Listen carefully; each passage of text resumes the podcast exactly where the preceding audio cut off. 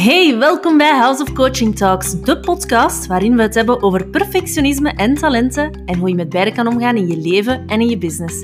Ik ben Megan, jouw coach, en elke dinsdagochtend mag je van mij een nieuwe aflevering verwachten.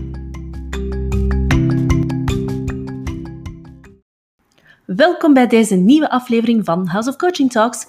Vandaag gaan we het hebben over scenario's bedenken, malen, tollen, tuben, kniezen, overpijzen, chicken en alle andere woorden die bestaan voor piekeren. En het feit dat er zoveel woorden voor bestaan, betekent dat het een heel ingeburgerd iets is in onze maatschappij. Dat is zoals de Eskimo's of de Inuiten honderd woorden hebben voor sneeuw, omdat daar zoveel voorkomend is. Wel, hier bij ons lijkt hetzelfde op te gaan voor piekeren. Maar wat is piekeren nu eigenlijk? En wat is het verschil met nadenken? Wat zijn de gevolgen van piekeren? En vooral, hoe kunnen we het aanpakken en stoppen? Wel, het verschil met nadenken is dat nadenken tot iets kan leiden. En meestal bewust gebeurt. Het is controleerbaar. Nadenken is noodzakelijk, maar het wordt pas problematisch als het doorslaat in piekeren. Piekeren is dus eigenlijk een uitvergrote vorm van nadenken. En nadenken dat is doorgeslagen, want bij piekeren kunnen we onze gedachten niet meer controleren. Ze schieten je continu te binnen, zowel overdag als nachts, en het wordt gestuurd vanuit ons onderbewuste. Het wordt gestuurd vanuit stress en angst. En het loont in eerste instantie om na te gaan van waar dat, dat piekeren komt. Vaak gaat het over hetzelfde soort gedachten. Vanuit een probleem of, of een uitdaging in je leven, iets op je werk, in je relatie, in relatie met anderen, met familie of vrienden, financiële zaken, noem maar op. Iets waarvoor dat je een oplossing wilt vinden. Of iets waar dat je wilt mee kunnen omgaan. En het gaat vaak over het verleden of de toekomst. De ene zit met zijn hoofd meer in het verleden en de andere meer in de toekomst. Maar bijna nooit zit een grote piekeraar met zijn gedachten in het heden. Want dan zou hij niet in zijn gedachten zitten, maar in het nu zijn. Vandaar ook het grote verlangen naar yoga, de natuur, mindfulness en retretes vandaag de dag. Eventjes stilstaan, in het heden zijn en uit het hoofd. En Mensen die perfectionistisch zijn ingesteld, mijzelf inclusief, geloven lang dat ze met piekeren problemen kunnen oplossen. Bijvoorbeeld nachten wakker liggen over hoe dat je dat ene ding gaat aanpakken, scenario's bedenken voor wat komen zal, een plan A, B, C bedenken en dat allemaal vanuit controle. Als situatie A zich voordoet, dan kan je tenminste paraat staan. Of als ik dit vergeet, als ik dat nergens noteer of ik vergeet dat, dan ontploft de wereld. Alleen, op een bepaald moment begint je hoofd automatisch te piekeren. Dan gaat zelfs dat denken daar niet meer aan vooraf. En dan schiet je wakker of overvalt het je overdag en kan je niet stoppen met nadenken. Het wordt gestuurd vanuit je onderbewuste, zoals ik net zei.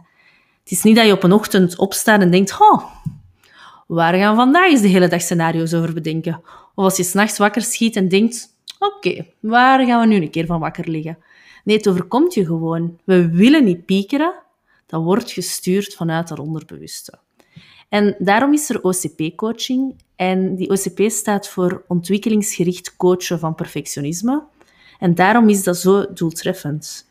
Het is gericht op dat onderbewuste, specifiek daarop. En piekeren maakt een groot deel uit van perfectionisme. En samen met piekeren worden andere uitingen van dat perfectionisme, zoals faalangst, uitstelgedrag, eh, bevestigingsdrang enzovoort, heel effectief aangepakt.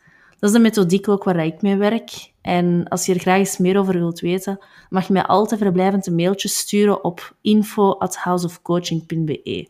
Of gewoon een berichtje via Instagram, dat kan natuurlijk ook. En met OCP-coaching kan je er werkelijk vanaf geraken, van al dat piekeren. Maar om alvast een aanzet te geven, om de meest acute piekergedachten te temperen, geef ik alvast in deze aflevering mijn beste tips mee. Tips die je kunnen helpen om de eerste stappen te zetten, om te zakken van hoofd naar buik. Om uit je hoofd te komen. Want naast dat het hinderlijk is, geeft het ook gewoon veel stress. Het heeft een effect op je mentale welzijn, maar ook op het functioneren van je lichaam. Want stress zet zich op het lichaam. Vermoeidheid, hoofdpijn, rugklachten, hoge bloeddruk. Dat zijn maar zo'n aantal voorbeelden van uitingen van stress op het lichaam. En ik heb jarenlang oneindig veel gepiekerd. Voor elke situatie had ik vijf, als het geen tien scenario's zijn, klaar liggen. Ik was op alles voorbereid, maar ik overpeinsde ook elke gebeurde situatie. Dus ik zat zowel in het heden, uh, sorry, in het verleden als in de toekomst, niet in het heden. En dankzij coaching en het toepassen van deze tips heb ik het piekeren werkbaar gemaakt.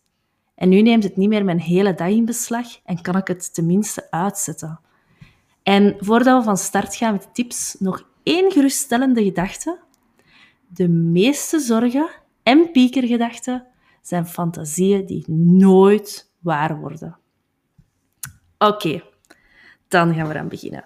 De eerste tip is zorgen dat er zo weinig mogelijk in je hoofd blijft zitten. Braindumping heet dat vandaag. Nu, ik deed dat al lang voordat er een of andere hippe naam werd opgeplakt. Maar ja, het kind moet een naam krijgen.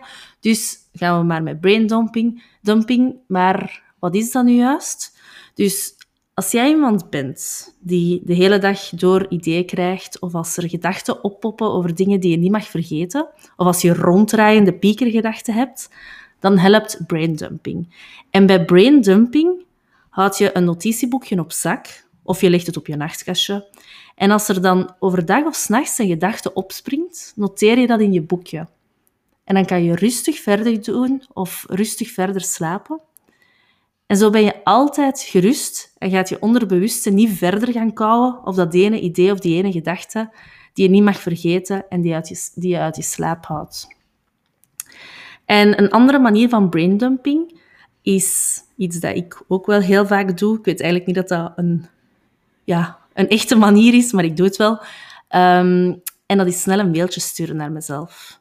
Dat is iets wat ik ook vaak doe als ik iets niet mag vergeten. Dan stuur ik even een mailtje en dan kan ik weer verder doen.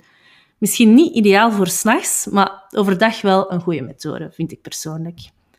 Mijn tweede tip is praten. Heel simpel. En iets dat veel te weinig gedaan wordt vandaag. Gewoon praten. Praat met je lief, je beste vriendin, je moeder of je vader, maakt niet uit, maar spreek het uit. Want piekergedachten zijn dus vaak negatieve gedachten en die zijn vaak ook een tikkeltje opgeblazen in je hoofd. Maar door er met iemand over te praten, krijg je vaak al heel andere inzichten en een frisse blik, een stuk relativeringsvermogen zelfs. Meestal ben je op zo'n moment gerustgesteld en heb je weer ruimte in je hoofd. Je kan bijvoorbeeld met iemand die in vertrouwen neemt voice messages sturen via WhatsApp. Nu dat we elkaar minder zien tijdens de pandemie, waar we al meer dan een jaar in zitten, zijn de voice messages van WhatsApp echte lifesavers voor veel mensen. Geen enkel excuus meer om niet te praten.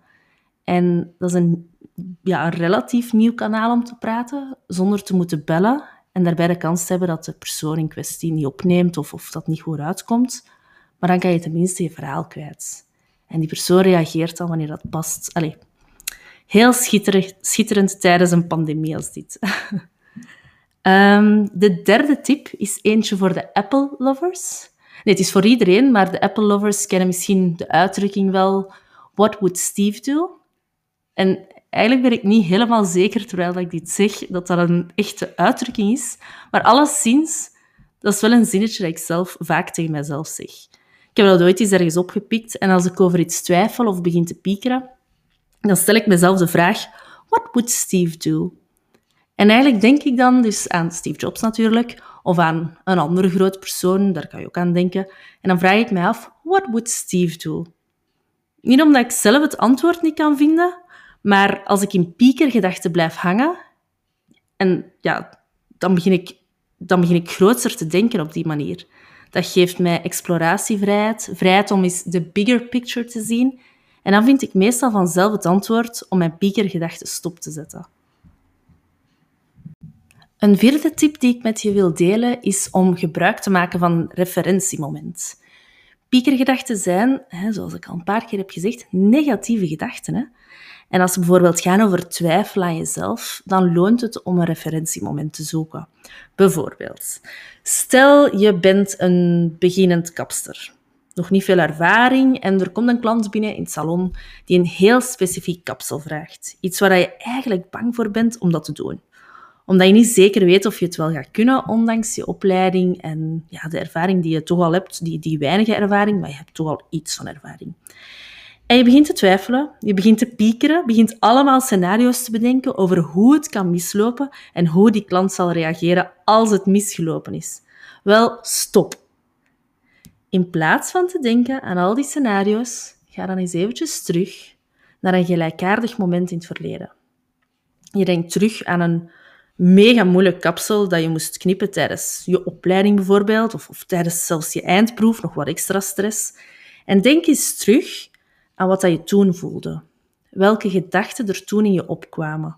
Klamme handen, twijfels, angst, al die rondtollende gedachten. En toch heb je het er goed van afgebracht. Ah ja, want je bent kapster vandaag. Dus gebruik dit. Gebruik dit referentiemoment vandaag. En het is trouwens niet zo ongewoon dat de grootste doeners uit de school van de harde klappen komen. Hè? En hun geheim? Leren uit referentiemomenten. Referentiemomenten gebruiken. Als ik het toen kon, kan ik het nu ook. En nu denk je misschien, ja, maar ik heb geen referentiemoment. Bullshit. Je hebt wel een referentiemoment. Je hebt dat altijd. Misschien heb je nooit een gelijkaardig kapsel geknipt, of weet ik veel, welk ander voorbeeld. Maar je hebt ongetwijfeld wel al eens een angstmoment gehad in het verleden. Dus gebruik dat. Ga op zoek naar dat ene referentiemoment dat je kan gebruiken. En tot slot de vijfde en laatste tip. En dat is eigenlijk een hele eenvoudige, maar ook een hele effectieve. Doe iets anders. Het is niet voor niks dat yoga en aquarelschilderen vandaag zo in is. Die dingen zijn in het leven geroepen net om ons hoofd te doen zwijgen en om, om ons te doen zakken in ons gevoel. Om met iets anders bezig te zijn, dus dan met ons hoofd. En bij yoga is dat dan ja, bezig zijn met de beweging, met ons gevoel, met onze buik. En bij aquarelschilderen is dat bezig zijn met je handen, met creatie uit je hoofd komen. Dus gun jezelf de tijd om uit je hoofd te komen, om iets anders te doen. Plan het desnoods in je agenda in, een uurtje om iets anders te doen.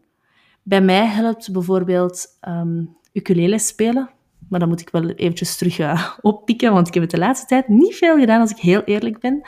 Of uh, Netflix kijken. Helemaal brainless niks doen. En nadien heb ik weer een vrij hoofd. En wat dat mij ook helpt, is eventjes gaan wandelen met Gaston, mijn hond. Ik weet dat we het wandelen stilaan beu aan het worden zijn, maar zoek eens een andere route. Ga naar een bos, naar een weide. En als je een hond hebt, ga eens apporteren in plaats van te wandelen. Dat zijn allemaal kleine dingetjes dat je kan doen. En wist je trouwens dat een vrij hoofd ervoor zorgt dat je creatiever bent? Want piekergedachten zijn de worst enemy van creativiteit. Want creativiteit komt waar dat er mentale ruimte is. En als je hoofd bezet is door piekergedachten, heeft die creativiteit helemaal geen ruimte. Dus probeer het eens uit. Kijk of kies eens één van de vijf tips en probeer het eens uit als er een piekerstroom op gang komt. Dus ik zal ze nog eens eventjes herhalen, de vijf tips. 1. Wat hadden we daar? Dat was braindumping, dus met een schriftje of een mail sturen naar jezelf. 2. Praten. Al was het via voice messages, maar get your message out there. 3. What would Steve do? 4. Zoek een referentiemoment in het verleden. En 5. Doe iets anders. Iets compleet brainless. Dus kies er eentje uit en probeer het eens bij de volgende piekerstroom.